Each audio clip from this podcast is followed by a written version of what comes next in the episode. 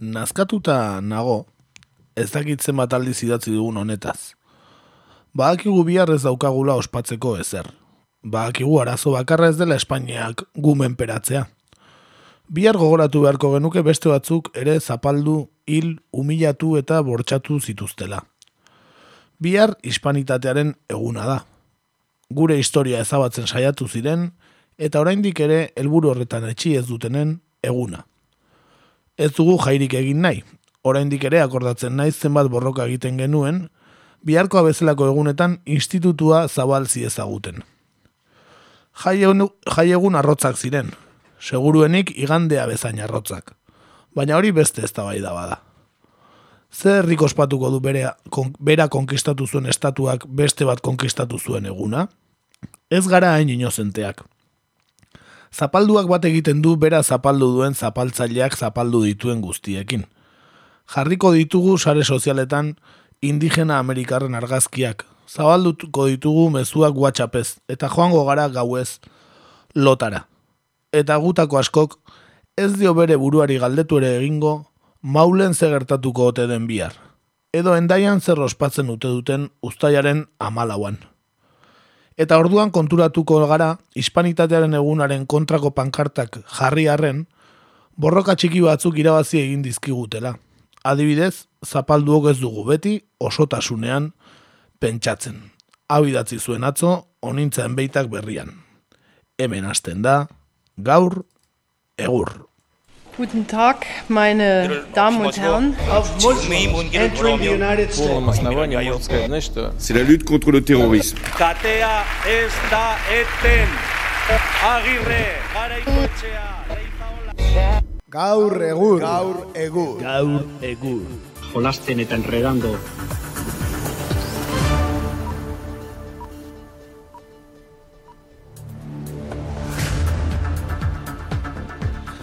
Arratxaldeon, hemen gaude zuzen zuzenean, kangaintzunako estudioetan aspaldiko partez. Hori da, ez? E, Iabete batzu joan dira, ja, eta COVIDak hemen jarraitzen du oraindik, baina gu kanpoan egon behar izan gera, por, nola esaten da? E, indar handiko kausa bate, batzuen Bai, ondorioz? Distantzia soziala ez, Mantentzeko, hori eh? da. ez? Eta gaur beste motibo garrantzitsu bategaitik etorri gara, ara?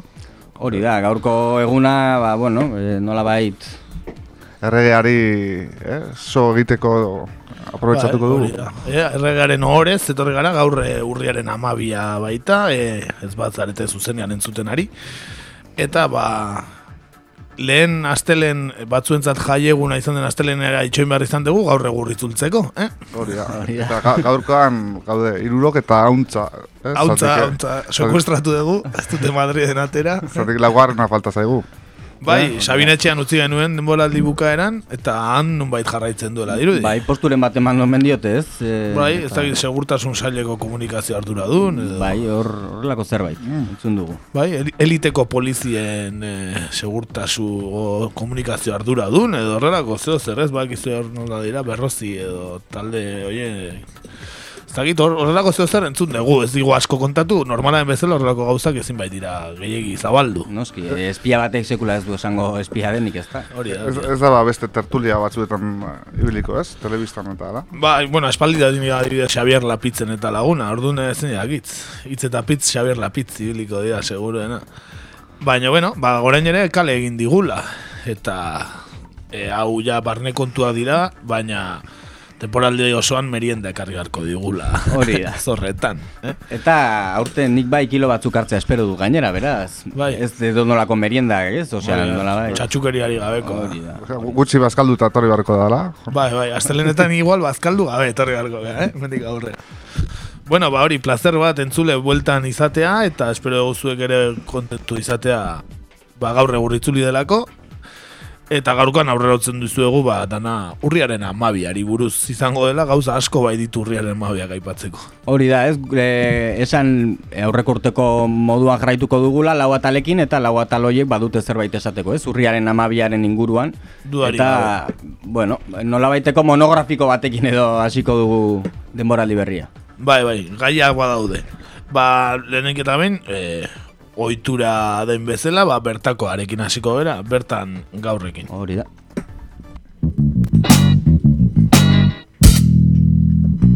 bertan gau.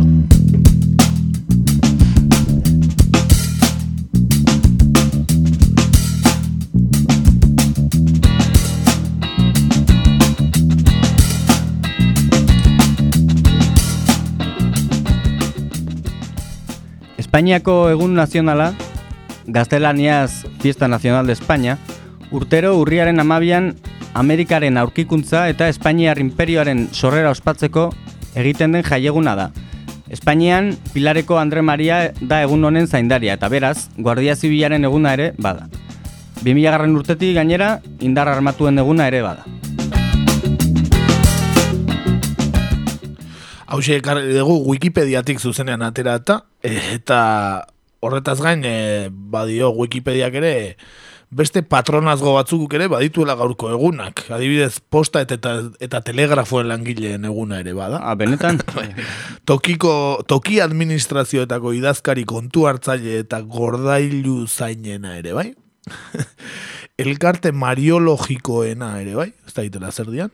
Eh, bai, ama virginarekin lotutako zerbait behar bada. Ez da git, bai, Maria Mario, ez da git, zer, agerpen Marianoak eta hori, ez da git. Zein edaki. Ez da git, eta misioen kontseilu gorenarena ere, bai, misioena, ba, hori ere, bueno, jaiketearen, eh, bakarrik ez dela Guardia Zibila eta militarren eguna. Bueno, apaizena eta ere bada, ez? Hori, eta posta eta telegrafoena.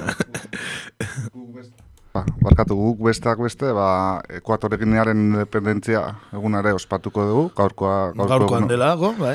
Eta Sahara herriaren, Sahara herriak ere independentzia alde harrekatu zuen eguna ere. Gaurkoa da. Gaurkoa da. Eta horretaz gain, e, mundu mailan gaur da e, hegazti migratzaileen eguna ere, bai, eh? ojo. Ba, gizu egun bakoitzak badaukala, ez? Bai, bere, bere- gaia, ba, hegazti migratzaileen eguna ere bada. Egongo da norbait zeruari begira, segurazki orain ja ez, kotoa ireki dutela, ba, Bai, bai, ze gaina hegazti migratzaile guztiak Espainiarra dira, eh, bai. bai. ezakit dakizuen, baina ala da. E, bueno, esan lagearen arabera, izen ofiziala dela Espainiako egun nazionala, baina lehenagotik gero ere aipatuko ditugun, ba, beste izen batzuk izan ditu, ba, arrazaren eguna edo dia de la raza, eta hispanitate eguna, oraindik jendeak horrela deitzen diola, ez? Baina, berez, e, orain dela urte batzuetatik, laro eta zazpitik, alegia da Espainiako egun nazionala. E, gero aipatuko dugun bezala, beste herrialde batzuetan ere ba, ospatzen den egun bada, be, bueno, simbologia desberdinekin, ezta?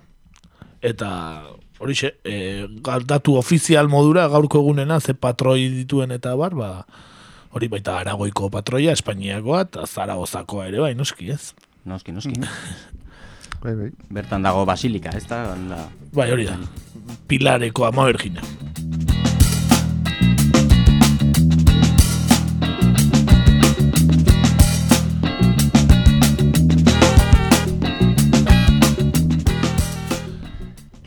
Esan dugun bezala, e, gaurko eguna, zea, militarren eta guardia zibilaren patroia da, eta bueno, e, datu interesgarria izango litzateke ez, jakitea Euskal Herrian zenbat, zenbat dauzkagun. Bai, ba, datua baukagu. E, zazpi mila, da berrogeita sortzi militar, polizia nazional eta guardia zibil ditugu ego Euskal Herrian. Zazpi mila sortzireun. Da, danak batuta. Dena batuta. Bi mila eta maikan, e, eta zuetena betik, behin betiko iragarri zuen hartan, ez, ba, pixka konparatze aldera, be, bederatzen mila eta ia bosteun zeuden. Mila zazpireun bat gutxiago daude, baina, bueno, esan daiteke gehien gehienak e, oraindik Euskal Herrian jarraitzen dutela, ezta? E, bari, bai Guardia Zibila, bai Polizia Nazionalak eta bai eta militarrak ere.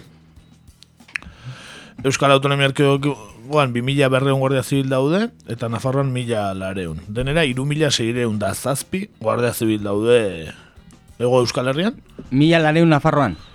Bai. E, eaen gehiago. Gehiago, Kan- 2000 berreun. E, Polizia Nazionalak ere gehiago eaen, mila berreun dero eta mabi, eta seireun da hogeita zortzi Naparron. Populazio ere handiagoa da, ez? Baina Bai, horregatik. e, Bai, ia bikoitza baino gehiago. hori horregatik eh, proportzioan Nafarroan gehiago tokatzen zaizki, ez? Mhm. ez nere iruditerian Nafarroan Guardia Zibil gehiago dago eaen baino, ez Baina dakit, ez da eh, egia. ez da egia, ose, baina Eta mila bederatzen polizia daude nera orduan, e, ego Euskal Herrian, eta militarrak ere gehiago eaen, mila zazpireun, eta zazpireun da berrogeita mar bat Nafarroan, nia bi mila lareun da berrogeita mar militar daude Ego Euskal Herrian. Gainera gehitu behartzaile, e, autonomia erkidegoan zortzi mila ertzainetik gora dagoela, eta Nafarroan mila foruzainetik gora. Honek zesan nahi du, ba, Ego Euskal Herria dela, amasei mila agente eta militar baino gehiago izan da, bosteun da laro gehieta emezortzi agente dituena, eun mila biztanleko, ia seireun agente ditu. Salvajada bat, ez? Europako gunerik militarizatuen agera. Bigarren adibidez da Txipre, Eta Txipre bi estatuen artean banatuta dagoela Hori da, gogorraraztea eta, eh? eta mugan eh, Bai, arresiba gatazka- daukatela, bai, eta bar. gatazka militar bat daukala? Bueno, ban, e, bosteun da irurogeita mairu, eun mila biztanleko. Agente hemen, hogeita bos gehiago. Eta gaina, gehituko nituzke, eh, azkeneko urtetan, eh, municipalizatetik erdi ertzain izatera pasadien, horiek, ez? Bai, bai. Horiek ere, Bai, zer- bai. zerrenda horitara Oie batuko kontabilizatu gabe, oie kontabilizatu gabe. Eta irugarrena, ipatzearen adibidez, Malta da. E, baino, ia hori, eun agente gutxiago eun mila biztanleko. Beraz, e, Europan gauza gutxitan izango gara Euskaldunak lehenak, ba, ontan bai. E, gunerik militarizatuena izatean, e, lehena gea. Bueno, Datu polita, eh? bai, bai. Astelena hasteko, indarrakin hasteko ederra. Ni bintzat asko seguruago bizi naiz horrela. Dudari gabe. Bai, bai, bai, bai, nola ez. Ez dago ja delikuentziarik, ez dago inungo arazo, segurtasun arazorik Euskal Herrian, ez da? Hori da. hainbeste du izan da. E, datu kuriosoa bintzat. zer zer gehiago ez esatearren. Ga- Gainera, gehituko dugu hemengo agentek soldatan gehigarri bat kobratzen dutela, ala? Eta zera, arrisku gehigarri bat edo antzeko Bai, zerbait, ala? ez, e, plus de riesgo de nola ditzen diote. De, Bai, holako zerbait izango da. Zertan, garai bateko iparreko sindromea zela eta... Bai, hori da, iparraizeak gehiagi eragite ziela edo, ez? Ura... Iparra izeak eraginda etortzen dira, gehiagi, igual, baina. hori, Egoaizeak bai, igual. eh? Baita, egoizea gehiago. E, bai, eh, esan behar da, Espainiako barne ministeritzak berrogeta iruko mazazpi milioi euro erabiltzen dituela urtero Euskal Autonomia Erkidogan eta Nafarroan e, bos mila berrogeta zazpi polizia eta guardia zibilak sustatzeko eta saritzeko, ez? E, ba, ona etortzea sustatzeko, ez direlako Euskal eta Nafar agenteak gehienak, ez da? Kanpote datozenak ordea, eta baita saritzeko, ba, arrisku horregatik edo, ba, nola beste tokietan baino arrisku gehiago duten Euskal Herrian dirudienez, naiz eta inun baino militarizatuagoa egon, e, ba, osagarri hori kobratzen dute, ez? E, banago, osagarri hori. seireun bat eurokoa agenteko edo izan diteke? Ba, ia ia zazpireun, eh, izten da, seireun da laro bi euro eh, agente, agenteko, eh, hori kaleraztu zuten, otxailean eh, parlamentuan gobernuari galdetu eta gero, aurtengo otxailean jakintzen datu hori, eta esan larogei garren urtetik, mila batzen da larogei garren urtetik, eh, ezarrita dagoen osagarria da, eta ez daukatela kentzeko inungo intentziorik printzipioz. Beraz, eh, sustatzen jarraitu nahi dute Horrez gain, e, bai, barkatu, baina horrez gain ere kontutan hartu beharko lirateke e, kantidade edo zea zifra horretan, diru hortan esan dezuna, e, nik uste bertan e, kuarteletxeetan eta bar, ematen duten bazkariak eta horrelako gauzak, ez? Hori ere gobernuaren... Bai, baina beste lekuetan ere bai, ez? Ja, bai, bai, hori ere, noski, noski, baina... Kantidade hori da, soldatan gehitzen Ah, zaiena, agente bakoitzak ia zazpireun euro gehiago kobratzen ditu, ona etortzeagatik, ez? Ba, da, sustatzeko egin beharrean beraien lana, esan dezagun, e, Espainiako edo e, tokitan, ba, ego Euskal Herrira etor daitezen, e, ba, ai- askain beste eskertzen diegun lana egitera, ez? Hori da. E, eta esan gutxiago hitz egiten dela, baino barne ministerioko funtzionarioek ere kobratzen dutela gehiago Euskal Herrian lan egiteagatik, eh? ez da inbeste, ba, egun da irurogeita zazpi eta egun euro artean, eta urtean ia bosteun mila euro gehiago izaten dela ere bai, ba hori, e, mengo ba, funtzionarioak ez da gitzen izango dean. DNIa eta egiten dutenak Ba, adibidez. neioko tortzen zaizki burura, egongo ja gehiago. Baina, tira, hori ere un, eun euro gehiago korbatzea, bueno, eh, zergatik bai. dan kontuan urkita gaizki dago, baina behar bada, bai egia da hemen behar ditzakezula, ez? Donostin bizi baldin batzea adibidez denei egiten dutenak. Bai, bai, bai. Seguro behar dituztela, ez dakit, eh, Cáceresen bizidan bate Bai, bai, baina, bueno, bari duri hor, ba, hor ere, ba, badagoela, plus bat ego Euskal Herrian lan Ja. egiteagatik. Bai, bueno. Ba, horregatik izango da hemen bizi maila handiagoa delako, o- Hori pentsatuko behintzen. ez? Horregatik izango da, Bai, seguro. seguro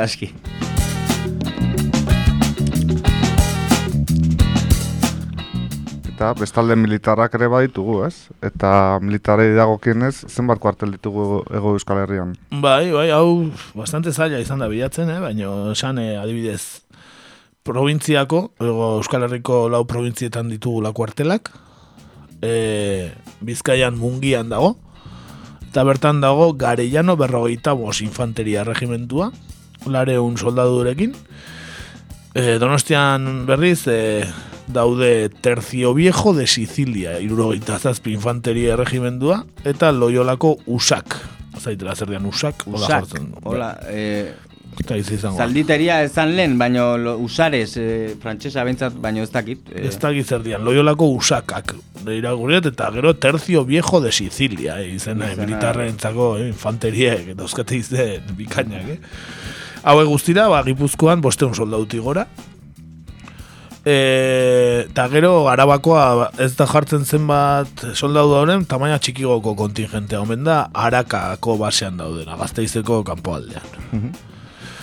Nafarroan berriz, aizoaingo kar- kuartela dago, e, Iruña kanpoaldean, eta bertan lur ejertzitoaren Amerika irurogeita sei erregimentua dago, seireun soldadu daude bertan. Infanteria ere bai? O, bai, ez? Lurreko... Lur ejertzitoa Bai. eta infanteria daukagu hemen. Armadarik ez daukagu, ez? Itxaso armadarik ez. Eta gero, baino bai daukagula, bardetako tiro eremua. Eh? Anda, Espainiako aire armadaren eh, tiro eremua, eh? E, tiro eremu bakarra. Espainiako armadak daukan tiro eremu bakarra. Lehen beste bi zeuden Espainian, baina haiek itxiz duzten da ego Euskal Herrikoa geratzen den bakarra. E, esan eh, NATOko beste herrialdetako armadak ere erabiltzen dutela e, tiro eremua, eta urtero 2000 operazio baino gehiago egiten dituztela bardeetan. Eh? Beraz, Nafarroa surkatzen duten abien artean badaude, ez? No, estatu batu arrain noski, e, Kastejo, osea, beko rotako basetik eta segurazki etorriko dira, ez? Probak egitera. Pentsatzen dut, eta, eta, eta, den beste, Europatik. eh, Europatik, eta bai, bai. Bai, esan hori, e, betidanik protesta handiak egon direla Euskal Herrian ez, e, eremuaren kontra. Oraindik ere urtero ekainaren lehenbiziko asteburuan e, martxa bat egiten dala, e, area. Eta Nafarroko parlamentoa behin baino gehiotan eskatu duela e, izteko. Azkeneko aldiz, 2008ko martxoan. Baina guri eskatuta ere, Espainiako gobernuak beti eman duela ezezkoa, eta azkeneko aldiz defentsa ministroa zen Karma, Karma Txakon, 2008an esan zuen ezinbestekoa zela manten, irikita mantentzea, Goian bego. goian bego, eh, hegazkinekin batera, goa, da. Eta kontratua berritu zuen 10 urterako 2008an, baina hogei urtera luze zezakeen, eta ja 2008an gaudenez, pentsatu dezakegu luzatu dutela hogei urtera, ez? Zer amabi urte badia ordutik. Beraz hori da daukagu nola argazkia Euskal Herrian Guardia Zibila, Polizia Nazionalak eta eta eta militarrei dagokienez. Gaurko beraien eguna zor- zoriontzeko, eh, egiten dugun lana da. Hori da, zorionekoak badira, ez, hainbeste kide edu- edukita danak batera, ba, Bai, eu- eta erak bai zorionekoak. Gaur ospa, ospatzen hariko dira gainera. Bai, Pentsatu bai. nahiko dut. Dakit, gero eh, batzutan ospatzera agertzen direnean tabernetara eh, behar ez diren gauza gertatzen dira, ez da? Baina, bueno, altxasukoak be, begiratu ez dela. Baina, bueno, ba, hor dagoen gaia, eta Eta zoritxarrez hor jarraituko duena, ez? E, ze bardetako hau hogei urtera luzatu badute, ba, pentsa dezakegu bakarra izan da beste... Gure bizitzan ez dugula hori, gune hori diz, desmili, desmilitarizatua ikusiko edo oso zaila izango dela. Bai, hor dagoen betiko zea da, Nafarroan adibidez, hasi zirela foruzaina polizia integrala izateko bidean, ez? Orain eh, trafikoa kendu diete Guardia Zibilei, ez? Eta foruzaina hasi dira trafikoa kontrolatzen edo dana delakoa. Baina, bueno, hala ere, badirudi, naiz eta ertzaintza eta foru zaintza polizia integral bihurtu, Guardia Zibilak eta Polizia Nazionalak hemen jarraituko dutela. Ez dakit zertan. Zute zai kompetentzia gabe gatuta ere hemen gatuko dian, o... Euren presentzia da importa duena, ez hainbeste zer egiten duten, ez? Azkenen Espainiar gobernuak hemen ez ditu segurtasun arazo bategatik. E, nahiko argi geratzen da hori, ikusita zenbat pertsona jarduten duten polizi bezala. Ba, beraz, beste arrazoien bat egon behar du, ez? Bai, argi dago arrazoi politikoak daudela, ez da? Dudarik gabe, bai, bai. Baina, ba, hortxe, dit- hortxe ditugun datua dira, eta ba, urriaren amabia izanik, ba, errepasatzea, ba, uste genuen ona zela, ez? Hori da. Ba, hortxe, hortxe ditugun datuak, eta entzule zuek atera ondorioak, ea, zeiruitzu zaizkizuen, ondo dauden edo gaizki. E, guazen nazio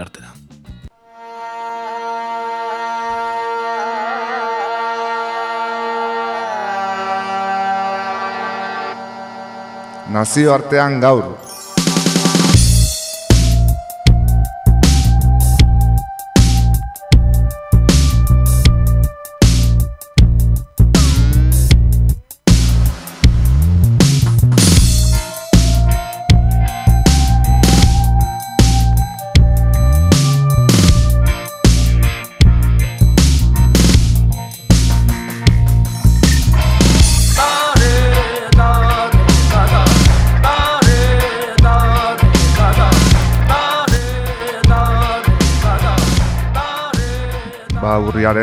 Urriaren amabiarekin jarraituz, eh, esan, ba, Espainian ez ezik, beste herrialde batzuetan ere ospatzen da, eh, ospatu kako txartean esan barko dugu, Cristobal Kolonen iritsiera Ameriketara, eh?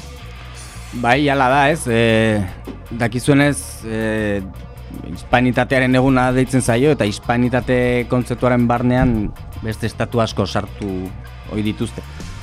Baina ez pentsa kolonen, kolon iritsi eta horren gortetik ez ospatzen denik eguna, hau hau da, osea, mila lareunda laro, laro mairuan ez zuten ospatzen ja hispanitatearen eguna, baizik e, hogei garren mendean erdialdera inguru arte ezen data hau izan ba, jaiegun bat, ez, edo nabarmentzen ezan hasi.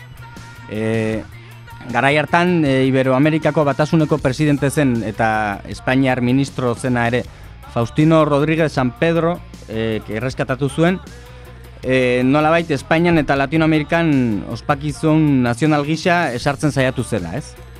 Da, bueno, e, mila behatzireun da mairuan e, nolabait hau nazio aurkitzaile eta zibilizatzailearen eta Amerikako lurretan sortutakoen arteko intimitate espirituala adierazteko, ez? Hitz pomposoak. Zeute da hori, eh? Bai, bai. Intimitate espirituala, zer, zer, bai. Zeine daki, baina oso sakon pentsatzen zuela argi dago, ez? Bai, bai, Hori eta Amerika harrei ere erroetaraino iritsi zitzaien, ez? Bere intimitatea. dudari gabe. Eta, bueno, e, Pablo Contreras entzat, e, soziologo txiletar batentzat, e, zeina latinoameriketar gaietan aditua dan, e, Espainiak Amerikari bere misio zibilizatzaileari eta bere ondareari buruz duen identitate proiektzioan ez, e, nola zentratu nahi zuen titulu hori. Hau da, e, Espainiak bere burua zuritzeko edo bere iruditerian daukan e, lekua jartzeko, ez? E, eta bueno, mila behatziron da mezortziako ekainaren amaostean, Alfonso Amairu garrenak e, onartu zuen Espainiako festa nazional bezala, ez? Beraz hori, e, hogei garren mende hasieran, lehen erdialden esan dut, baina hasiera inguruan. Bai, behin eh, imperioa izateri utzi zionean, ez? Hasi zen ospatzen hor- imperio izan zela, edo galako zeo zer. ez? Hori da, hori da. E, beraiek daukate lorpen handien gixan, ez? Amerika aurkitu izanak akotxartean, ez? Eta, bueno, e, beraiek dioten bezala, han bertakoak zibilizatzea, ez da? Hori da, ez? Horrelako lenguaia eta barren entzuten da askotan, eta, bueno, ez lenguaia bakarrik, ez? Badauzkagu beste adirazle batzuk. Bai, e, baukago gogoratzeko bat adibidez, ez da? Bai, bueno, e, ba, egongo da agian gogoratuko ez denik, baina Zaila izango da, entzun ezagun. Se puede estar en las antípodas de una posición ideológica. No seré yo el que esté cerca de las ideas de Aznar, pero el expresidente Aznar fue elegido por los españoles. Y exijo, exijo, exijo, un momentín, exijo, exijo ese respeto. Por una razón, además, por supuesto, por supuesto. ¿Por qué no te callas? Por favor, no hagamos diálogo. Ha- Han tenido tiempo para plantear su posición. Hortxe, Alfonso amairu gerraren oinordekoa, eh? Hori da. Ego Amerikako herrialde handienetako baten presidenteari isiltzera aginduz, ez? Aginduz hori da, ba hori horrek ez, erakusten du Espainiak ze papel jokatu nahi duen, ez, kolonia hoiekin. Eta bueno, ez hori bakarrik, ez, e, batzuetan e, ez dakit gogoratuko zeaten ontaz, baina lengo peseta zarretan, ez, e, gehien erabiltzen zen zea biletean, hau da, mila pesetako berde hartan, e, agertzen zian aurpegiak ziren Pizarro eta Cortés, ez, hau da, Mexiko eta Amerika hegoaldea konkistatu zidan, hori da Peru, Peru eta eta. Kolombiako zati batzuk eta barret. Eta ba horrek, bueno, zerbait erakusten digu, ez? Zer esan nahi du horrek, ez? E, Personaje horiek goratzen dituztela. Eta beste bilete batean ere bai, hau da, bos milakoan, e, Cristobal Colón bera agertzen da, ez? Osea, askotan Espainiarra dela saltzen dutena, ez? Bai, eh, batzuk diote beste nunbaitekoa zela, bueno, ez dakigu... Ez da, ez dago argi eta garbi, da, e, frogatuta dago, ez dela Espainiara, eh, ge- eh, genobatarra da bera, e, denak dakite, baina, bueno, handikan batzuk, e, Teoria asko daude, ala ere, orain dela pare bat urte ETV bateko eh, nola da, herri txiki, inferno handin, uste soraluzeko herrian, eh, gizon bat agertu zen esaten, behar probak zituela soraluz eta razala, Cristobal Colón. No, eh, nor- nor daki. beste, beste euskal marinel, eh, ez? Ospetsu bat, da. litzateke. Baina bai, teoria, ezagit, e, historialari gehienek eh, bat egiten duten teoria da, ba, e, Espainiar koroiarentzat lan egiten zuen e, itxas gizon genobatar bat zela, ez? Merkatari bat, Merkatari edo, bat, da. edo, edo esklabutzara dedikatzen zen, ez daki. Bai, dena dela, bueno, ba, sorte honeko izan zen, ez? Bueno, sorte honea beretzako esan nahi du, noski. Bere izena denok dakigulako gaur egun. Askok ez dakite Espainia garai hartako erregen izeni, baina Kolon Bai, bai. mundu guztiak ezagutzen du Eta tipoa. ez hori bakarrik, e, izena eman dizkio leku bati baino gehiago, ez? Kolombiari, Bai, bai. edo Kolumbiari estatu batuetan, eta Mhm. abar, eta abar. Bai, bai. Hala, hala, hala. Baby, my baby don't care for shows, and he don't even care for clothes. He cares for me. Eta bueno, hasieran dia de la raza bezala ezagutzen zen, ez? Eta e, bigarren errepublikan saiakera bat egin zuten arren, e, gero frankismo garaian aldatu zuen izena berriro, e, aipatu dugun izpatinitatearen eguna bezala, eta, bueno, gero demokrazia delakoarekin, e, ba, Espainiako festa nazional bezala ezagutzen da, ez? Gaur egun naiz eta jendearen gehiagoak hispanitatearen eguna bezala ezagutzen duen, ez? Irutzen zait. Ba, segun ze ze zomatan boitze zean, la hispanitatea edo edo oraindik handia de la raza, ez? Bai, edo el pilarrik, pilarikaren eguna, ez asko. Baita, baita. Egun, nik uste, ego Amerikan eta orain, oraindik el dia de la raza gehiago erabiltzen dela Espainiar estatua maila. Bai, hala da. Esango nuke.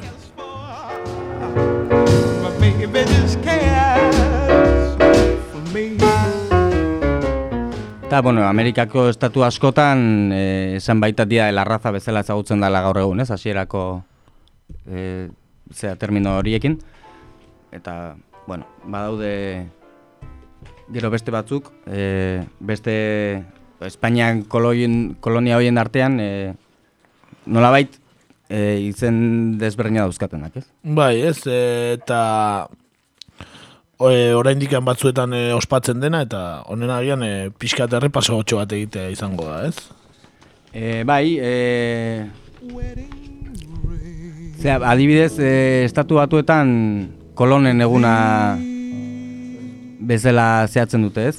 E, ezagutzen dute Columbus Day edo horrelako bait. Eta e, Brasilen e, ez dute ospatzen e, kolonen aurkikuntza, e, nolabait e, kolonen iritsiera edo egun hontan, baina bai da jaieguna, e, nolabait e, ama Virginia azaldua ero ospatzen dutelako, baina arrazoia desberdina da, ez? Orduan, ez dauke zer ikusi besteekin. E, donolare, ba hori, e, egun ikusten dugu ez, revisionismo historikoak nolabait konkistatzaien irudi aldatu nahi duela eta e, behiaren kontrako mogimendu ikonoklasta bat ere zabaldu da, ez? Azken aldian Black Lives Matterren kontura. Da, bueno, hau den aldatzen hasi zen, e, ezkerreko gobernuen iritsierarekin, Evo Moralesekin adibidez, eta izen, izen aldatzeko nolabait ez da bai orokortu zen, ez? Eta, bueno, komunitate eta korronte politiko batzuentzat, e, deno dakizuen ez, ba, urriaren amabia ez da e, nolabait deskubrimenduaren eguna bakarrik, baizik e, bertatik bizirik atera zirenen eguna, ez? Eta Represioari aurre egin ziotenena, edo, ez? hori da, hori da. Eta, bueno, ba, hori nahormantzea komeni da. Eta, ba, hori, esan, e, izen aldatu duten estatuen artean, edo nolabait beste izara bat eman nahi izan dioten estatuen artean, e, ba, desberdintasun nabarmena daudela, ez? Ez da berdina adibidez pentsatuko duzunez Bolivian jarri diotena, edo Kolombiak daukana, edo. Bai, adibidez, e, Venezuelan uste e, dala e, Dia de la Resistencia Indígena edo horrelako zeo zer, ez?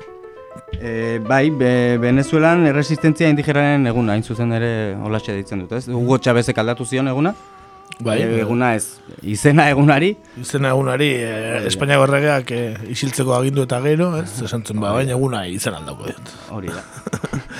Ba, hori da adibide bat, ez da, baina lehen aipatu bezala, naiz eta batzuk ez dioten e, hispanitatearen arrazoia ematen egunari, Amerika ia osoan e, gauza bategatik edo bestegatik e, ospatu edo naharmentzen dan eguna da gaurkoa. Bai, hala da, e, arla izaten jarraitzen du, ez? Pixka bat, e, labur bilduko ditut, ola, gainetik ze egiten duten estatu hauek, ez? E, Argentinan adibidez, e, Hipolito Irigoyen Euskaldun abizen duen presidenteak jarri zuen egun hau, eta dia de la raza bezala. E, Baina 2010an Cristina Fernández de Kirchnerrek aldatu zion kulturanistasunaren errespetuaren eguna izendatuz, ez? Eta, bueno, jaieguna, jaieguna izaten jarraitzen du. Argentinan jai eguna da orduan. Ba, metan, naiz eta e, Britaniar imperioaren menpe zeuden, Discovery Day deitzen da, ez? Ba, bueno, eta... Bai, kolon handi, handik ibilizelako, ez da? Hori da, eta jaiaguna da bai, baita bertan ere, eta baita belizen ere, ez? Pan American Day izenarekin hau da, denak Amerikarrak, eta, bueno, Bai, hola. Eta Bolivian, esan dugunez, e, 2008tik, Evo Moralesek deskolonizazioaren egun bezala e, ezagutzen du, ez? Nolabait, pixka bat e, kontra e, esankorra ematen duen arren, ez? Osea, Bueno, deskolonizazio borroka hasi zen eguna. bai, hori, hori da, horrela ulertu beharko da, ez? Ze deskolonizazio guztizko bat gertatu denik ere, ez Ez, dakit. ez, ez, eta eta hori gertatzen bada noiz ere arraro izango da egun ba, egun finko bat izatea horrek ez, baina Hori da. Beste batzuk ere ez daukate. Baina ez deskolonizazioa bukatu denikan, ez dut uste inorrek esan dezakeenik. Hori da.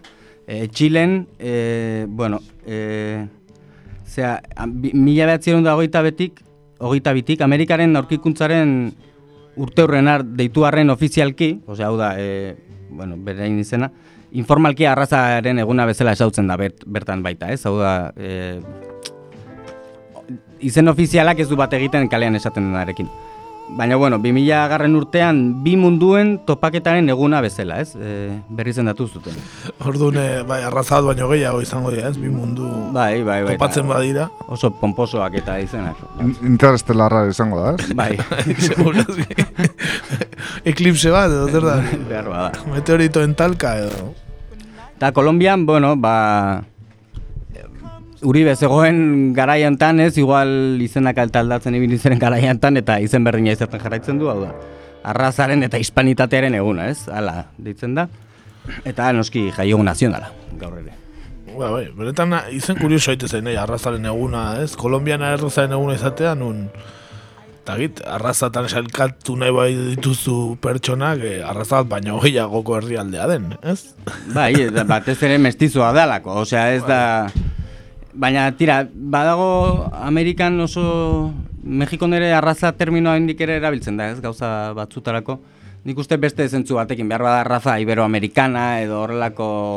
Baina, bueno, hala ere, osea, gaizki entzuten da, ez? Nola guretzako bentsat ez da oso Bai, termino... Oso ondo erabilia ez zaigu Ez, egitzen da ez, honik. hori da. Ez, que ez litzateke erabili behar, gizakien artean, uste dut, ez? Orduan, Bai, bai, eta gutxiago, hain, hain nahastu arraza nahasketa dauden herrialdetan. Hori da. Bai, gaina, han, eh, Espainiar imperioaren garaian, araza sailkapenak ziren, eh? Eh, esan diteke krioioak zirela, Espainiar jatorrikoak, gero indiarrak, eh, jatorri originalekoak edo zirenak, eta gero zuk aipatu duzu bezala mestizoak gero, ba, bai bien arteko eta bai Afrikatik eraman zituzten beltzeekin nastutakoak, ez? E, eta bueno, hor badago ez da handia zatik, e, bueno, batzuk esaten dute, bueno, e, bakizu ez, betikoa, e, bueno, deno dakigu area txuriak iritsi zirenean, e, virusen eta ondorioz, zen orako sarraskia gertatu zenez.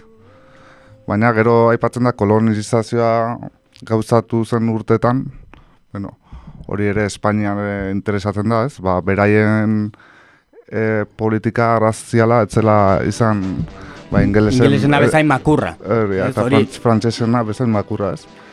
Eta... e, Bai, hori datu historiko bada, egia za, osea, baina ulergarria baita, eta honek ez du esan nahi eta ez du zuritzen Espainiaren jarrera, no? Ez da, ez, Baina, da, ez da pentsatu ere ez. Baina, ez, hori esan nahi dut, e, badagoela errotuta baita, ba, e, Latinoamerikako, ba, ezakit, e, kulturan edo pentsamenduan, eh? hori garbi.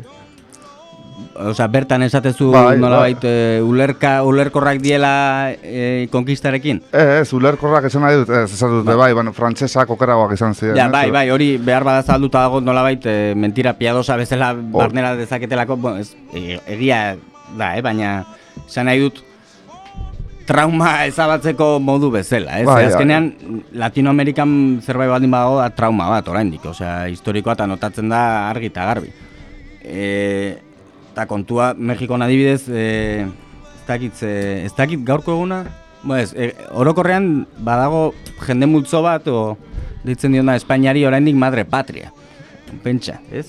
E, Orduan, bai, bai, badago Latinoamerikan, osea, noski, Espainian baino joera asko zaundigoak eta ikuspegi anitzagoa daude, Espainian konkistari duguna, ba- dugunak baino, Bai. ez? Hemen bat, Bai, asko segu- eta bi, baino... Eta segurament, seguru baita izango da, eh, han ere, ba, administrazioan eta nola kokatuta zeuden, hango bertako, eh, ezakit, en, garaiko etnia desberdinak, edo tribu desberdinak, edo, zatik, hori egia da, Espainiarrak eh, aliatu ziren bertako tribu batzuekin, beste tribu batzuen aurka, eta, bueno, hor daude, Bai, bai, hori, bueno, azkenen divide et impera, ez, erromatar garaitik datorren esaldi efikaza, eh, benetan.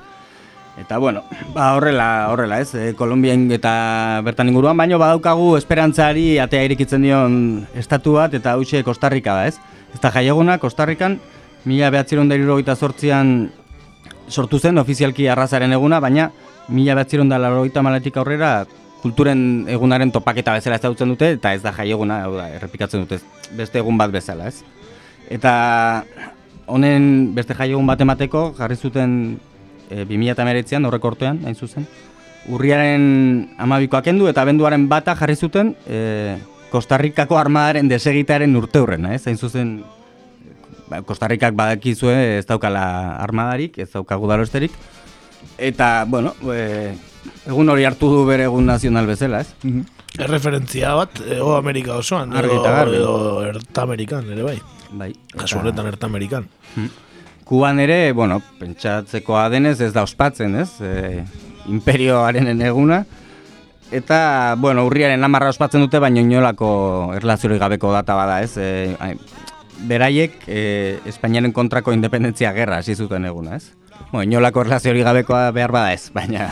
Ez, ez, zeren, eh, nunbait eh, bukatu bazen, eh, ez, esan daiteke Espainiar imperioa Kuban, izan zen, ez? Ari da. Hala da, hala da. Oendik esaten da, ez? Mas se perdió en Cuba, entzuten da segun ze Bai, bai. i- programetan eta... Uste izen bat ere bat zeukala, Bai, ez? bai, Trezeko, interekonomia, edo bai, interekonomia bai, bai, kon batek, así que pentsa, horrein Hor ere badukate trauma. Bai, bai, nostalgika, nostalgia, eh? Ondo, ba, errepaso bikaina nazioarteari, eh, daukagu zeu zera aipatzeko? Ez, e, ba, orokorrean esan e, e, sin más, nola beste ze estatutan ez dan aldatu, ez? E, Panaman ez da jaieguna, Ah. e, eta, baina e, hispanitatearen eta arrazaren eguna bezala eh, ezagutzen jarraitzen dela, hori da. Eta e, baita Guatemalan ere, ez, hispanitatearen eguna izaten jarraitzen duela. Bestetan, ba, bueno, pentsatzen zakezue, ba, hola, aldaketa batzu daude, baina...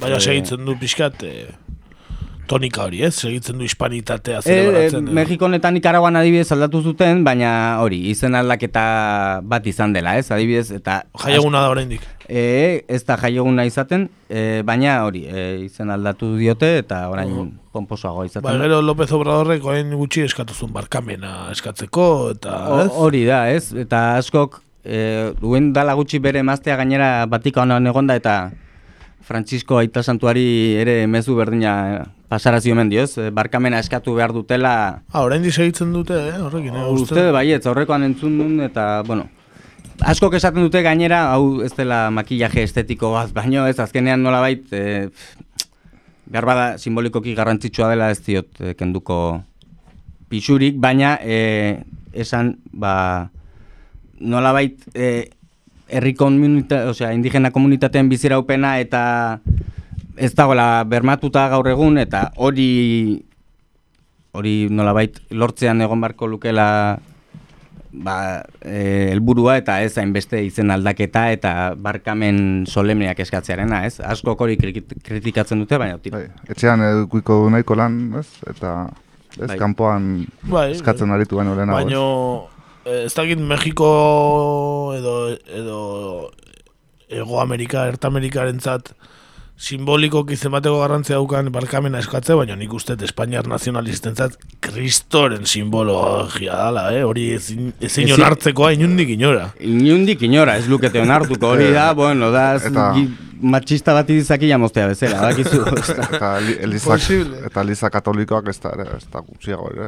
Ez, Eliza Katolikoak ere, ez, baina ez dio eskatzen Eliza Katolikoari, edo, edo hori eskatu zen Vatikanoan aita santuari. Nik ulertzen dut Espainiari eskatzen Ez, diola, e, e, Vatikanoari eta Vatikanoan eskatu zuen baita Elizak ere, Ah, baina, ba, osea, Espainiak, e, Vatikanoak eta ez dakit hirugarren bat aipatu zuen, oantxe ez naiz akordatzen zeintzan, baina, Oh. bai. Bai, bai, bai, bai. ez Elizak ere ez luke onartuko ez zait irudit. Ez. Ez, handikan esaten dute hori ba, evangelizazio bat izan zela, eta Tira, han- Ar- argia piztu ziela, ez? Bai, zibilizatu eta evangelizatu egin zituzten danak, ezta? Bai, baina hori, eh, lehen aipatu duzun zergatik etzan izan hain e, bortitza, e, hain bortitza, bortitza izan zen arren. E, okupazioa e, Britaniar eta Frantsesen aldean hor e, kontra esankorra diruenaren Elizak euki bere garrantzia euki zuen, ez? Hau da, be, papak onartu zuenean e, gizakiak zirela, ez, indioak, buloa baten bidez, eta o, egontzian beste monje batzuk, ez, San Cristobal de las Casas eta barri izan zirenak indigenen lehenengo defendatzaileak, ez, e, osea, zapatistak bertan hasi zuten euren iraltza, ez, Cristobal, orduan, hor badago nolabaiteko, bueno, beti dago leku guztietan matiz txiki bat, ez? Hori da, bai, bai. Bai, e, gaurko egunaren arira, adibidez irakurri dut lehen, e, ba, Eduardo Galeanok esan dako esaldi joietako bat, ez? Eta gutxi gora bera olaz dioen, ez? Gurea zen lurra eta beraiek ekarri zuten Biblia. E, begiak itxi eta errezatzeko esan ziguten, begiak irikitzerako gurea zen Biblia eta beraiena lurra, ez? Oso ona. ondo, ondo labur biltzen du, ez? E, Amerikan gertatutakoa. E, nazioartea Hori. bukatu ematen dugu, ez? Hori da. E, kasu honetan e, ego eta iparra eta ert Amerikako errepasoa.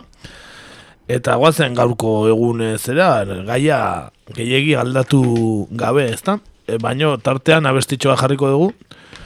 Pixka luzea da, hasik ez dakitu oso utziko dugu, baino ba, Bolivia aldetik datorkigu Angel Guaraka eta hace ya 500 años.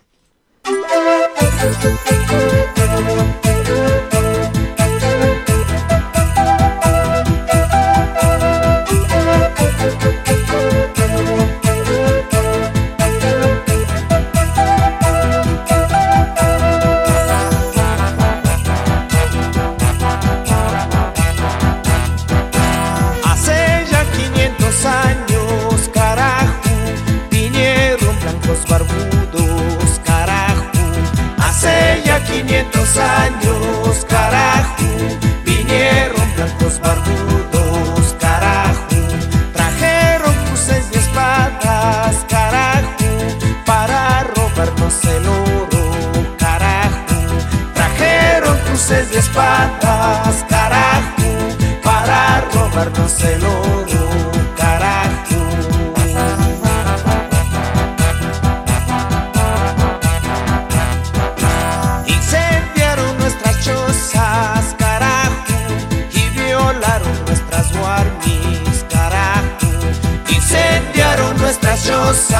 Carajo, y violaron nuestras warmis, carajo. Estos fuera apamushkas, carajo, destruyeron nuestra etnia, carajo. Estos fuera apamushkas, carajo,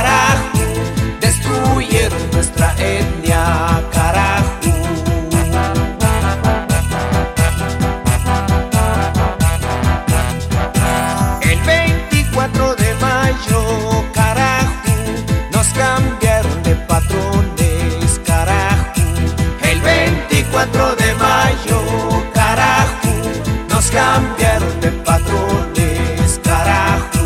Desde entonces son los gringos, carajo, que nos roban el petróleo, carajo.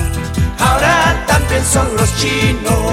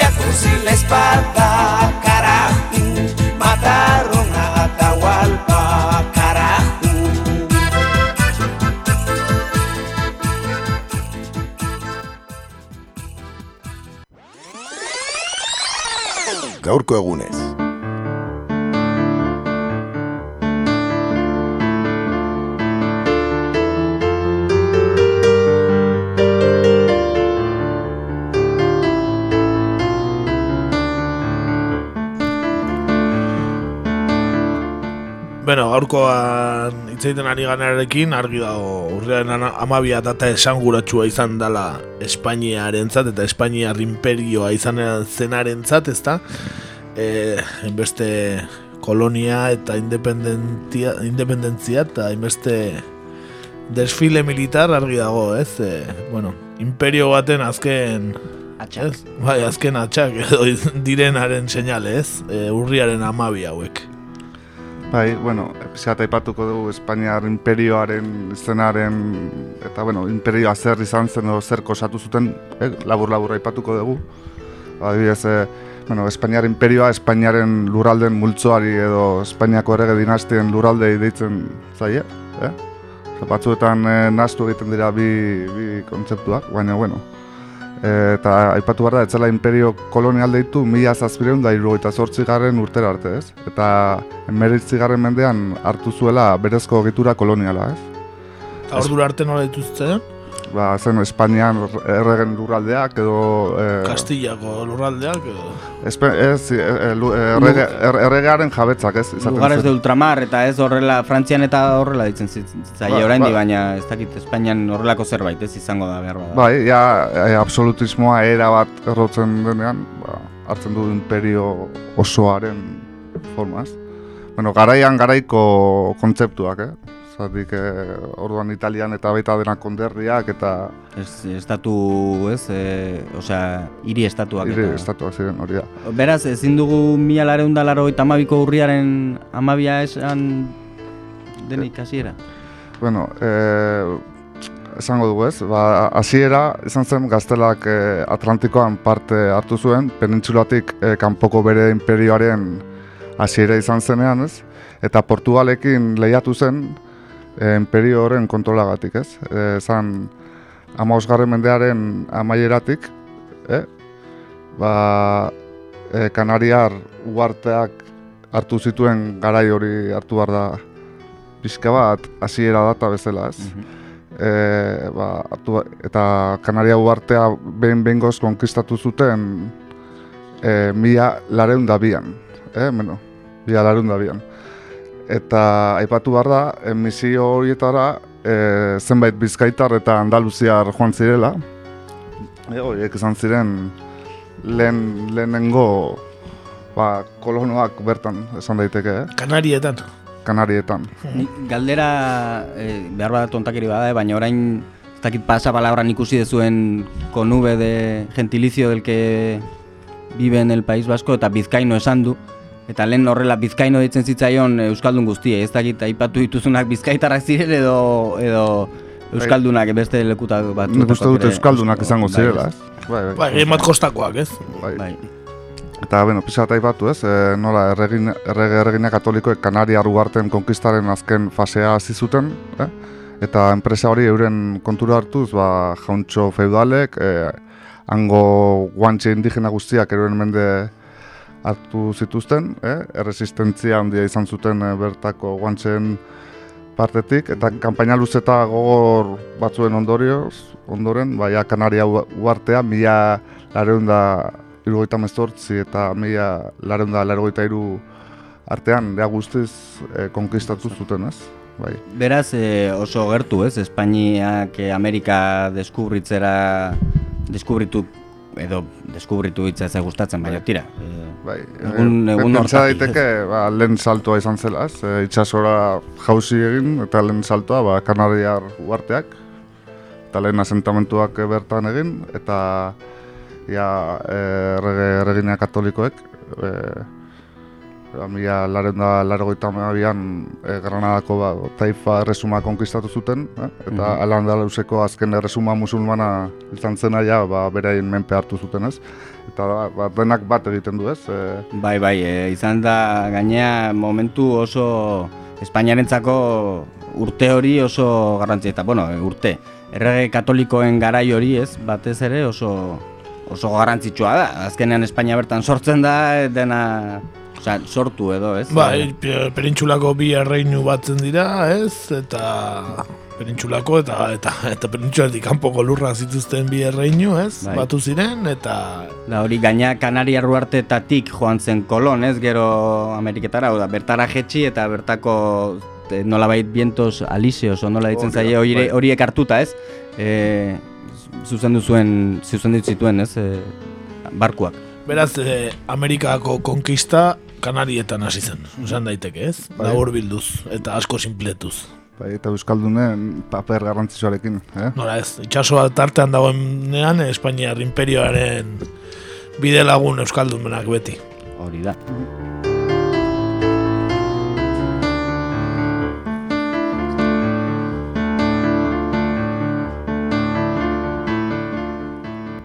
Beraz, imperioaren hasiera mila lareun da, mila lareun da irrogeita mezortzi inguruan kokatzen dugu, ez? E, eta Euskaldunek e, ze papel garrantzitsu izan zuten bertan? Bai, ba, zeta ipatu da bezala, ba, ego Euskal Herriko ontziek aktiboki parte hartu zuten zenbait gertaera historikoetan, eh? esate baterako gaztelako errege Fernando Irugarrenak, eh? Bizkai eta Gipuzkoan eraikitako ontzi bat erabili zuen, ez? Eta ja urte asko lehenago, mila berrenda berrogeita zortzian, e, Sevillaren errendizioa lortzeko ere Euskaldun ontziak erabili zituen ez. Geroago, e, ontzi hauek, en urtetako gerran e, parte hartu zuten, e, mila irurenda berrogeita maeran izan zen gerra, betu zen gerra ura, eta e, Kanarien e, konkistan, ez? Aipatu dudan bezala, ez? Bai, bueno, itxas industria potentea zegoelako baita ere hemen, ezta? Eta barko asko Bai. ere egitzen zirelako. Eta ingenieritza lan handia itezelako. Bai, hori da, ba, Euskal Herriko itxasgizunak e, ba, bakizu, oso ba, garatuta zeuden ontzigintzan eta beste arlo, ez, itxasora loturiko arloetan, eta ardura eta ore handia izan zuten, ez? Esate baterako itxas armada handian, Euskal Herriko hiru kapitain nabarmendu ziren, ez? E, Miguel Okendo ezaguna, Juan Martínez de Rekalde, eh? Bizkaiko ontzidiaren burua, eta eh, Martin Berten Dona, Levante kontziaren buru horik eh, aipagarrienak, ez? Bai, eta, eta ja, eh, bigarren puntuarekin, eh, bai, Hori da. Ba, esan e, nolabait Espainiaren bateratzea eta e, lehen aipatu dugun errekonkistaren amaiera ia batera gertatu ziren garai eta zari garela, ez? E, ez du gaztu behar mila bosteun da amabian, ez? E, Nafarroako konkista. hori da, bai, erregi, erregina katolikoek, aragoiko koroaren eh, politikare eradutu, ere, ere datu zuten, eta eh, aragoitarren alde zuen Nafarro, Nafarroako erreinuaren aurka, ez? Eta esan behar da, ba, Fernandok, ja errege bakar bezala, eh, ba, oso jarrera oldarkor hartu zuela, Nafarroako erreinuaren aurka, eta ja, mila bosteun damabian, eh, konkistatu zuela Nafarroa garaiaz. Gero naiz eta, ba, erreinuak eh, bestaldean, ez? Jarraitu Bai, ja, mila bostun da hogeira arte ere pixkat egontzan, ez? Gatazka. Bai, gero mila bosteun dagoita batean egon zen- Ongarri bin eta barrez. E, Bai, eta e, nuaingo gudu, ez, eh, famatura eta... Bai, Bai, e, gero esan nahi iparraldeko zatiura ez, e, Frantziar resumara pasa zela, gaur egun izaten jarraitzen duen bezala. Bai, esan daiteke orduan garai hortan e, bi e, Iberiar penintsulan zeuden bi erreinuk e, gaur egungo Espainia konkistatzea lortu zutela, ez? Ba, behaien erreinuak batuz eta abar eta gero jo zutela kanporagoko lurren bila ere, ez? hori da. Zatik, e, bakizu Naparro garai hartan ere ikusten zuten Frantziaren aliatu edo bezala, eta... E, Bai, be- noski, be- garai- beraien, beraien jo puntuan zegoen, bai. Garai hartan e, dinastia borboitarra zegoen ja Nafarroan, ez? E, hori izan zen eskuratu zuten lehen koroa eta gero Enrique hirugarrena, Enrique laugarrena izango zena Frantzian, ba, Nafarroako errege izatetik Frantziako errege izatera pasatzen, ez? Bai, e, Parisek meza bat balioz, ondo balio zuela esan zuen. Hori da, hori da, protestantea zen bera eta katoliko izatera pasatzen. Eh? Mhm. E, bueno, e, gero ez da, nolabait imperioak bueno, badakigu ez, e, Bai, go- gora oso azkar jo zuen, baina gero... gero berakada etorri zen baita ez, hori da, e, nolabait e, mila zazpireun, mila zortzireun da laroita mezortzi, eta mila bederatzireun da irurogeita hamabost dauzkagu hor data esanguratsu bezala ez?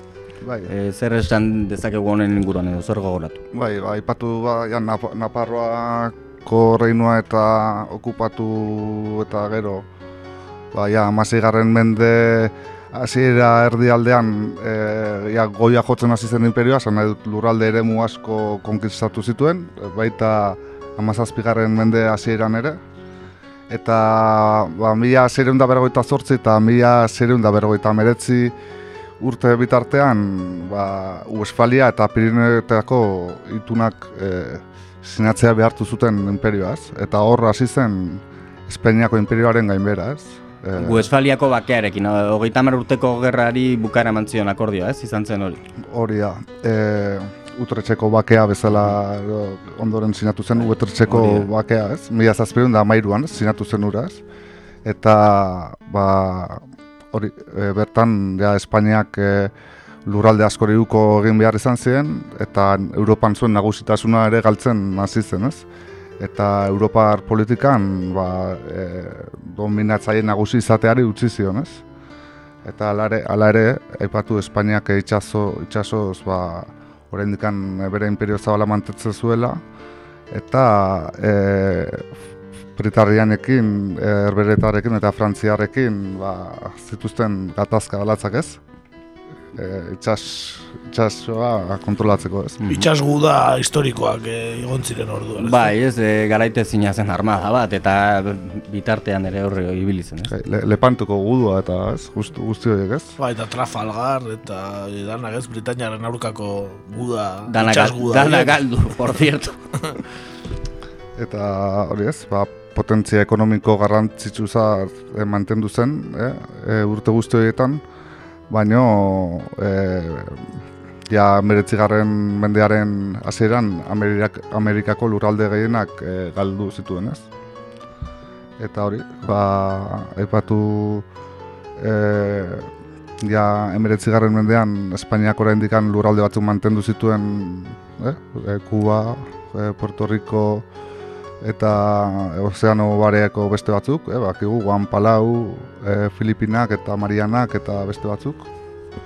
Baina, Baina ia irlekin bakarrik geratu zen, ez? Esan daiteke ez? bai, ja, Ja, lurralde zabalagoak eh, galdu zituen, ez? Batez ere independentzia guden gatik, ez? Bertakoen independentzia Bai, bai, hori, eh, be, noski, e, eta Espainian gainera momentu hartan ez, Fernando Zazpigarren zegoen, e, in- inoiz edo zein estatuk izan duen erregerik ineptoenetariko bat, ez? Osea, gainera ez zuela jakin nundik zetozkion tiroak ere, beraz.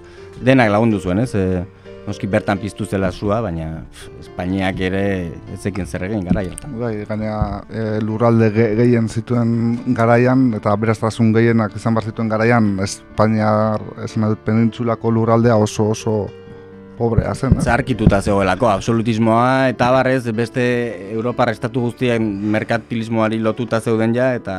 Eta beti esaten da ez, e, Ameriketatik etortzen zen ziar guztia, ba, e, bai... Britaniar bankuentan amaitu zuela, ez? Bai, edo, edo Vatikanoko e, deposituetan, ez? Bai.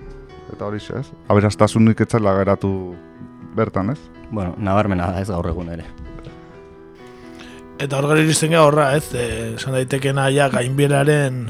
Bueno, gainbera osoa ez dugu oraindik ezagutu, baina ia orain arteko momentuan geratu den Espainiar imperioa, ba, Kubako gainberarekin izango zen, ez? Azkeneko hile galdu zituenean, ez? Filipina, Kuba... Bai. Bai, bai, lehen aipatu bezala, ez? E, nola mas se perdió en Cuba, e, nola oraindikan e, dagoen askoren memorian, ez? Edo askoren buruan, ez? Eta hori nola esaten den, ez? Eta bai, ba, adibidez, e, Kubako gerra hura, e, Kubako independentzia gerra hura, ba, Espainiar armadarentzat psikologikoki oso golpe handia izan zen, ez? Gerra hura galtzea, ez? Eta esaten da, ba, adibidez, nola ferrolera iristen ziren barkuak, eh, Galizira ferrolera ba, hainbat zerraldorekin, ez? Ba, eundaka edo milaka zerraldorekin, eta nork ikusten zituen txikitan zerraldo horiek baiatik eta nork eh, ontzen erabat traumatizatuta. Ba. Zia zu esan. Bai, bai, bai. bai. Ferroleko semeku txuna. Ferroleko bai. gure patxi? Gure patxi. Eta, bai, bai. E, hori, ba, Espainiar nazionalismoaren kontzentzian dago, ez? Bai, bai. Eta hori, ba, esaten da, ba, imperioaren galerak ekarri zuela gero, ba, nazionalismo sutsuenaren, ba, Goraka da. Bai, falangismoa eta primoa de Riberaren movimentu guztia, eta ez? eta movimiento del 98 eta hori ez, pixka bat ba, e, galduta zegoen Espainiar nortasun hori, zatik e, etzekiten Espainia Zer zen ere. zer zen ere hori da. Hainbeste, hainbeste lurri izan zituen, hainbeste galduta gero ja etzekitera zer ziren ere, Noski? Espainian ere sekulako trauma dago oraindik, eh? imperio galeraren, osea, bertan kon, imperioan trauma dago in- konkistatu zituztelako, baina Espainian gaur egun notatzen da Gaurko eguna da horren seinale bai, garbia. bai, bai, adibidez eski. Bai. Bai, eta ba, hori, e, mila zortzeun dalaro eta mezortziko do, e, nola esan, ba, kolpetik, ba, sustatu zen Espainiar nazionalismo sutsua, ez? Bai, e, hogei garren mendeari zegokion mugimendua, ez? Fastismoaren mugimendua eta nazionalismo, Bai, ez? E, pero ba, bertan- imperioen e, nazionalismo hori, ez? Bai, karo, hor ere paper garrantzitsua izan zuten hainbat intelektualek, ez? Eta aipatzearren, eta guretz, guretzako hain urrutu ez dauden e, maestu tarrak, ez? E, Ramiro de Ramiro de Maestu eta hori izaten da, dala aziaren zuena, ez? nazionalismo sutsu horren azia... Bai, ez, asko, gero beste asko jarraitu zioten, ez, nola bait, baina... Baina, bueno, imperioaren galera horrek gargi dago nola baiteko kontzientzia eta larogeita mezortziko mogimendu horrek ere ba, zegoen existentzialismo puntu bat, ez, ezer ez du zentzurik eta barrunan, un muno, baroja eta ez, horiek sartzen dira azorin baita, ez, anarkista zana, baino e, egia da inflexio puntu bat dala, ez, Espainiarekiko egun hori, ez, eta, bueno, e, gero esan dezun bezala falangismora bultzatzen dula, ez? Gai, zatik, aipatu eh, Espainiak izan zituen koloniak ez, labur labur aipatuko ditut gutxi batzuk ez, baina adibidez eh, Algerren eh, kolonia izan zuen, eh, eh, Tripolin, Bizertzan, Lagoletan, Tunisian, eh, Marokon, bak egun bezala, eh, Sicilian baita ere, hor bertatik etorriko da behar bada terzio de Sicilia hitz hori. Eh, nik Sicilia zango nuen, ara, ara, aragoiko hori, aragoiko. Genovarekin eta batera, ez, eta Italiako beste lurralde batzu zela, Sicilia ere... Bai, hori da. Aragoiko- Ja, aragoiko korearekin batu zen eh, da. Espainiar Ja. imperiora, ez? Hori da, bai, bai, bai. Eta hori ez, ba, e, eguzkia jartzen etzen imperioa, ez? Izate, izatetik, ba, orain ge- gelditu den, ba, Bai, bai, eta eguzkiatzen jartzen, bestea beste zumarrako semea han, eh, han geneukalako, ez da, eh? Filipinetan, Hori adibidez. da, jendea Ja, bai. zibilizatzen eta... López de Legazpi, eta e, gero baita, nola ez, Andres de Urdaneta, eta Beste enparauak, ez? hori da. Bai, bai, Espainiar imperioak ere Euskaldun eh, izen asko utzi dizkigu, ez da, eh? Urdaneta esan dezu, Txurruka, Blas de Lezo... Hori kasierakoak, baina gero ere parte hartu dutenan imperioaren eraikuntzan eta bertako administrazioan e, pff, milaka dira, ez? Osea, eundaka. Ba, noski, da, noski. Azkenean gero zen, ja- zenbat abizen Euskaldun daude Ameriketan, Garai ez? moder, eta garai modernagoetan eh, zenbatek agindu dute Espainiar imperioan neguritik, ez da, edo bertako dirutik, eta Noski. Euskaldunak eh, Espainiar imperioaren parte oinarrizkoa izan gea. Bai, bai. Bai, eta esklabutzarenak, mo- badakigun, ba, ez? Beste baina aipatu genuen beste programa batean, baina esklabutzan ere ze parte hartzen izan zuten hainbat familiak, ez? Gero negurin e, zarretziren hainbat familiek, ez? Hori da. Bai, esan daiteke gaurko egunean Euskaldunok ez daukagula zer ospatu, baino bai zer hausnartu, eh? Duari gabe. Bai, eta gutxi egingo dugu, ez? Hori txarrez, baina... Nola Bai. jaieguna ez, ba, lasai egoteko aprobetsatzen du jendeak, eta... Bai, eta batzuk esango dute, ba, hori ez dela gure eguna, eta gu ere konkistatua gaudela, baina, bueno, Bai, bai. konkistatze hortan zenbat, eh, zenbat Euskaldune parte hartuko zuten. Badaude inabardurak hor ere, ez da? Hori da. Ba, horixe, e, gaurko egunez, eta, bueno, beste abestitxo bat jarriko dugu, aspaldi ez genuen mikrofono horrean hainbeste hitz egiten, eta e, ez tarria ere urratzen zaigu. Hau ere abesti luzea denez, ez dakigu oso utziko dugu, baino, bueno, klasiko bat ekarri dugu, e, Fermin Muguruza. Eta aipatu ditugun gaiak aipatzen dituena, bueno, kasu honetan Fermin Muguruza selekta kolektiboarekin, ez da? Diru espainol zikina, ez? Ba, hortxe.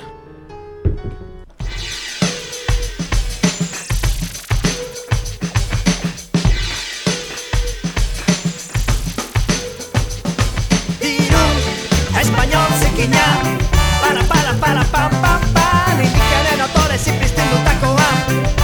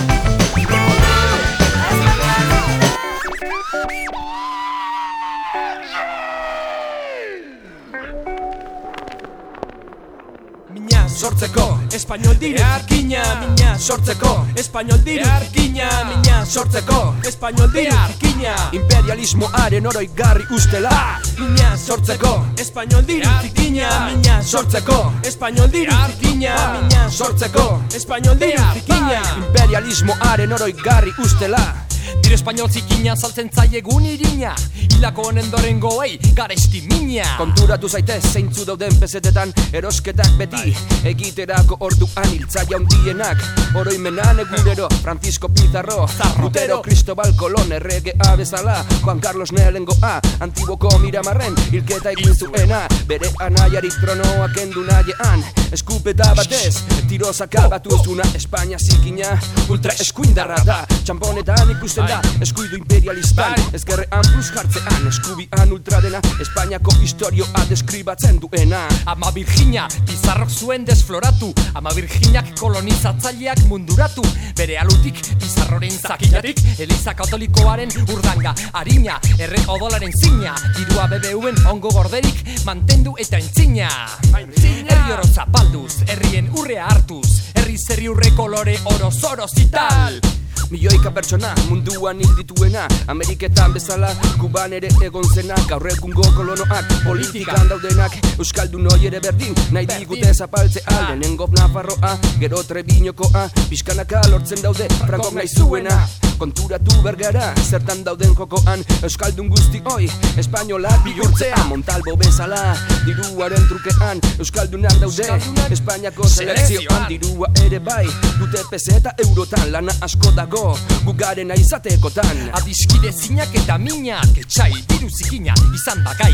Anai arteaz toratzeko Nahi eta nahi ez Diru beharrez Diru errez Bertze ikendu tiroz taldarrez Aurrak negarrez. Emakumeak ez gerlari apartak baitira Txiparta aurke zorketa hor dira.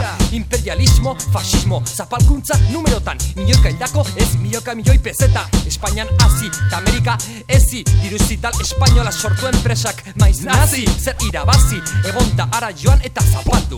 Norka dituko basoak dituztela kiskaldu Ederra indute repsolen desa eta barrek Ezan dituzte kiskaliko Beren garrek guzio dakigu baina diru erre daikela Kokte molotov yo Ez gara tentelak Mina sortzeko. Espainol diru Artina Mina sortzeko. Espainol diru Artina Mina sortzeko. Espainol diru Zikina. Imperialismoaren oroi garri ustela. La corrupción en el Comité Olímpico Internacional es como la de Venezuela, grande. Billete euskaldunak balira bezala Agirrekin edo jankaren kolera. Dirua zikina beti zaren bata Nola jasan daiteke hor daulako iraina. Diru, espainol zekina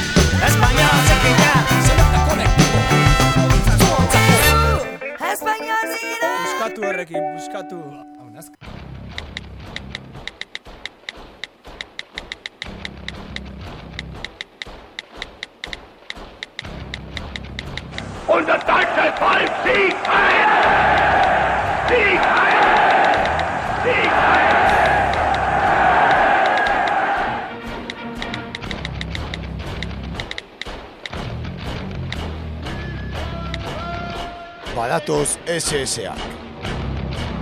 Sare sozialetan egur.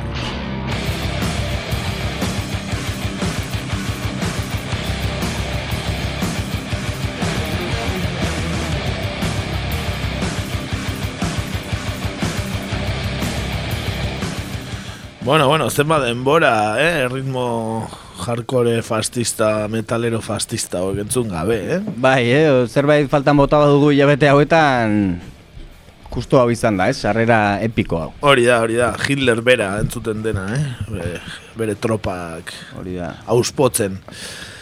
Bueno, ba, tropa eta zari garela, ba, gaur sare sozialetan, ba, ba, zer ditzen dugu, ba, ba, berdina, urriak amabi, gaur ere, egon dela desfilea, naiz eta COVID garaiak izan, ba, ez dute egin kalean, beti egiten duten, e, ez da indoa inoran, kale, kale bat da, Madrideko avenida Castellana luze bat, hori izango da. izango da, igual, bai. Ba ez dut horregin, baino errege jauregiko edo Palacio Real, Madrideko Palacio Realeko barneko patioan egin dute desfilea, telebista eman dute, ez da untzik egon, gaurkoan, ez da parakaidistarik ere. Eh? Parakaidistarik ere ez da egon, pena da. Zaila zen asmatzen, ez? Barruko patio hortara iristen ikusitakoak ikusita ez dakit asko iritsiko ziren. Ez egon farolarik aterrizatzeko, ez? Hori Ba, patio barruan. E, bueno, alare espektakulo bikaina eman dute, nola ez legioa pasada, eh? bere eunda hogei paso minutuko, eh? Horre egiten. da hogei kilo pertsonako ere. Baita, baita, ondo estututako erropak, eh? alkondarako botoiak estu estu. En bertan izan dira Espainiako erregea eta bere eh, bi printzesak, ondo zer dira? E, bai, Bi e, alabak, bai, alaba princesa, princesa, ez dakit o- nola izango diren, baina e, ez da sorpresarik egon, ez? Ez da emeritoa etorri, hola. Ez, ez, ez, ez, ez da, ez nidaki ala, ez da egon emeritorik, baina bai e, beste, ba, oraingo erregea eta gobernuko kideak, eh, baita Podemosekoak eta eh, denak. Horrek zekarri du, pal- palazioaren kanpoan, naiz eta Madrid erdi konfinatuko edo konfinatuta egon, palazioaren kanpoan jendetza bildu da, beraien Espainiako banderekin eta Oiko duten parafernalia guztiak. Hori da, eta eta horri bili dira bi baka, behitu, entzun.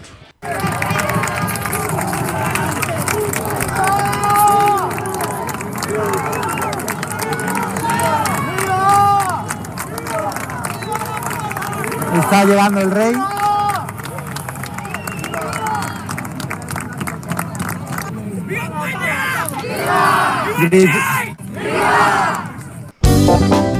Hortxe, eh? Biba Espainiaka, eta biba el reika. E, on dira, baina noski, erregea beste maite badute ere, gaur egungo gobernua ez dute beste maite, ez da, ez dira gaur egungo gobernuaren bozkatzaileetakoak ez dira izaten, eh? kontonta juten dianak. E, ordun, claro, iritsi dianen gobernukok, bai presidentea eta bai presidente ordean Pablo Iglesias eta bar, ba, ez pentsa txistu edo egin diotenik bakarri gaizik eta deitu diete asesinos. Horrela, xe, Espainiako gobernuari asesinos deitzen hartu ditu publikoak, entzun.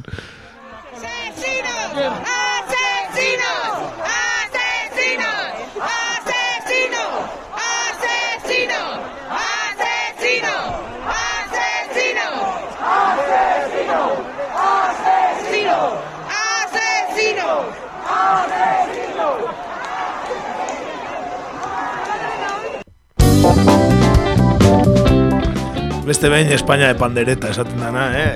Bai, bai, guztiz, gaina barreak ere entzuten ziren atzetik, ez? Nola, ez Bai, dakit. es que laburtu inde baudio gainazte, hasieran esaten eh, koleta, ez no sé qué, hola, eta ja, ja, ja, batzu parrezka, eta hola, da, eski, eski, eski. Behar bada, asesinos deitzen diete konkistatzaile izan zirelako, edo. Ez Seguro, dijoa seguro. zortik tiroak igual, ez?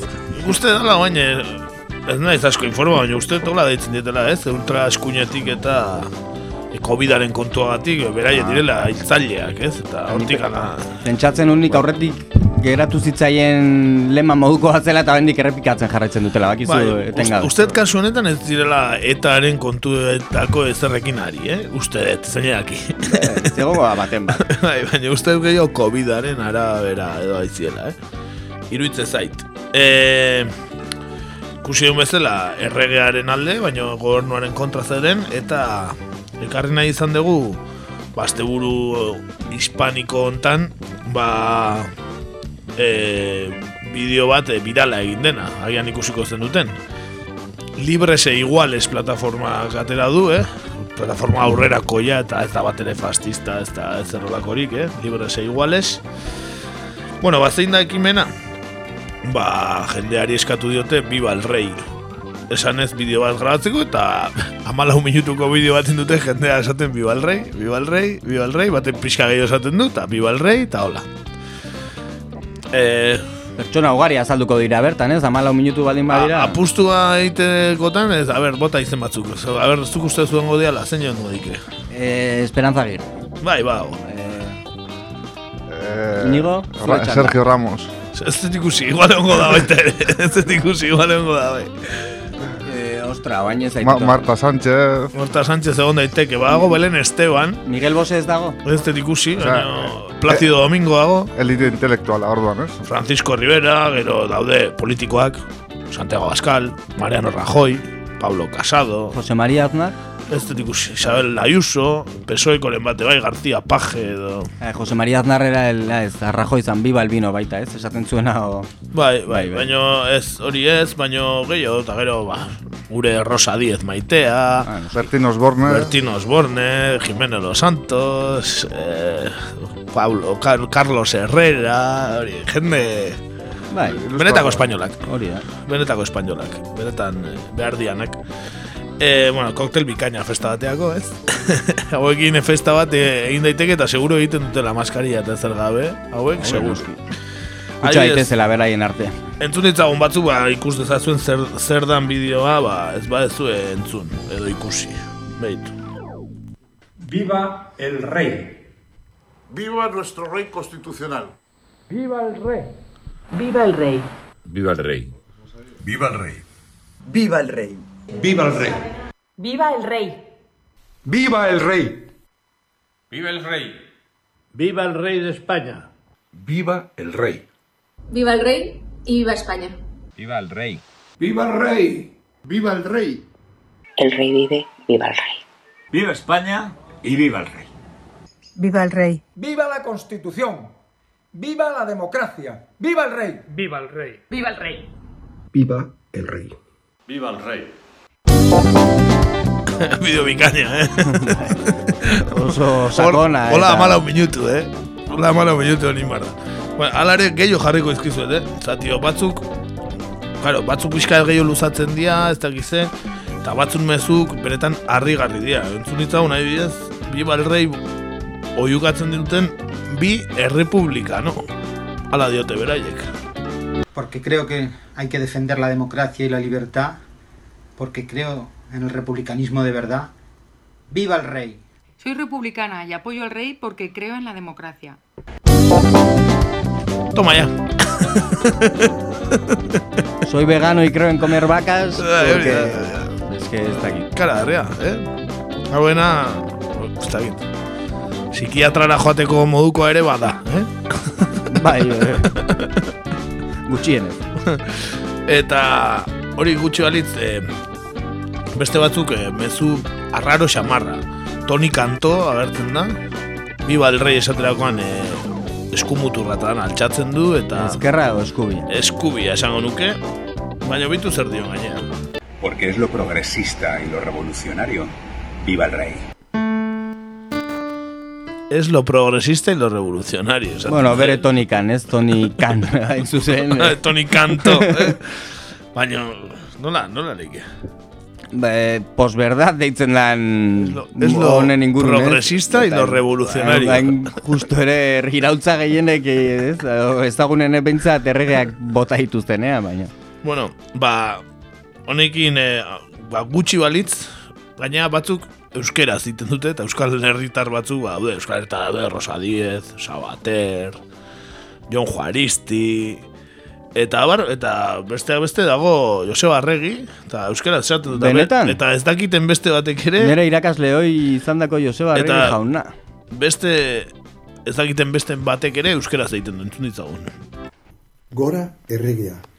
Gora, erregea, hiritar askatasunen eta eskubideen bermea. Errima eta guzti, osea, tipa makina da. Bertxolaria, bertxolaria, Joseba Arregi, erregearen bertxolari pribatua, eh? Bai, bai. Jo, amaika ikusteko joaioa ez non espero, eh? Gia esan badakit ze nundik doan, baina tipoa hola gertzea ez dakit. inteligente gotzat neukan. ez Ba, dakit. ikusten duzu. Bai, bai. ez- Bere ustez oso inteligente izango. da. Bai, noski herrimata guzti egin du. pertsolaria, pertsolaria kopla egin dio horregari, eh? Ba, horixe, horixe bideo viraletako bat, esan aipatzeagatik e, Bilbon egin dutela martxaren bat ere gaur, ez? Ez da nola esan ere zehazki.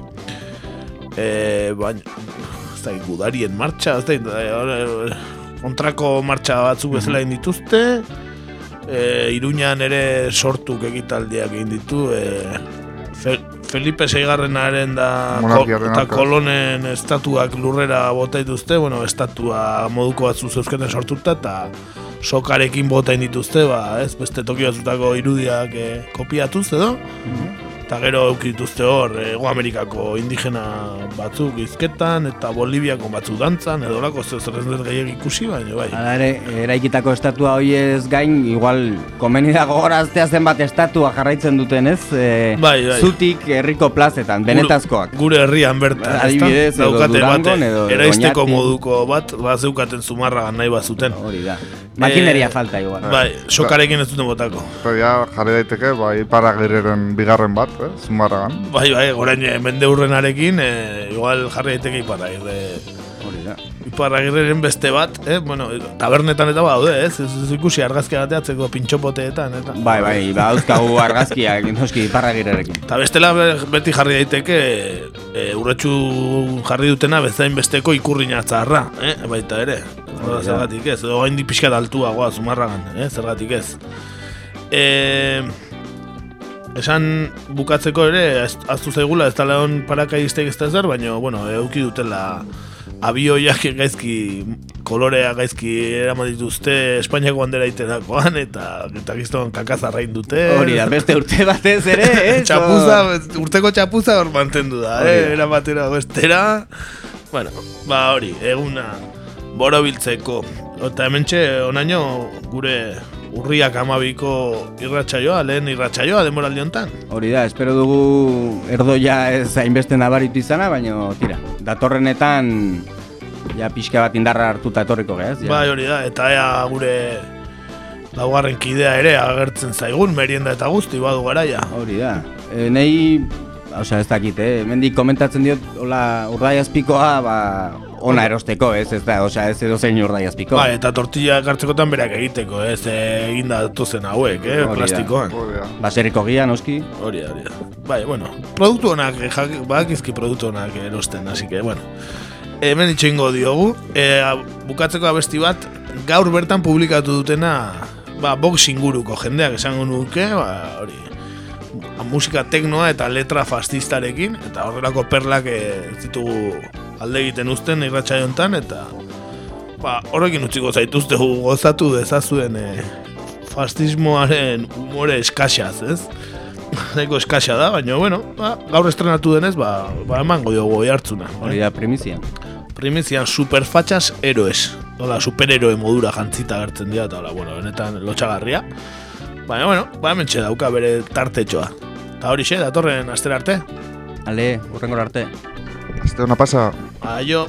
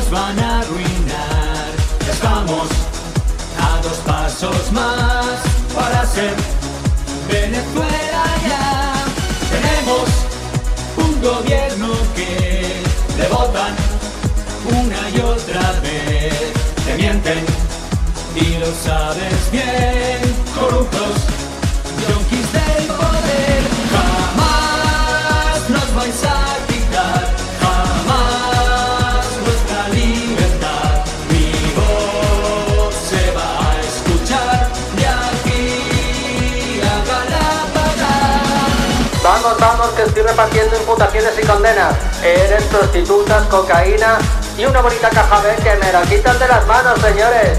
¡Arriba el progreso! Que estamos en la miseria, pero al menos no gobiernan los fachas. Vinieron a salvarnos de corruptos, esos del PP, el paro iban a bajar, pero entre los suyos nada más. España iban a arreglar, no ni desahucios ya, y todo ahora va mejor. En serio, lo dice Ana Pastor,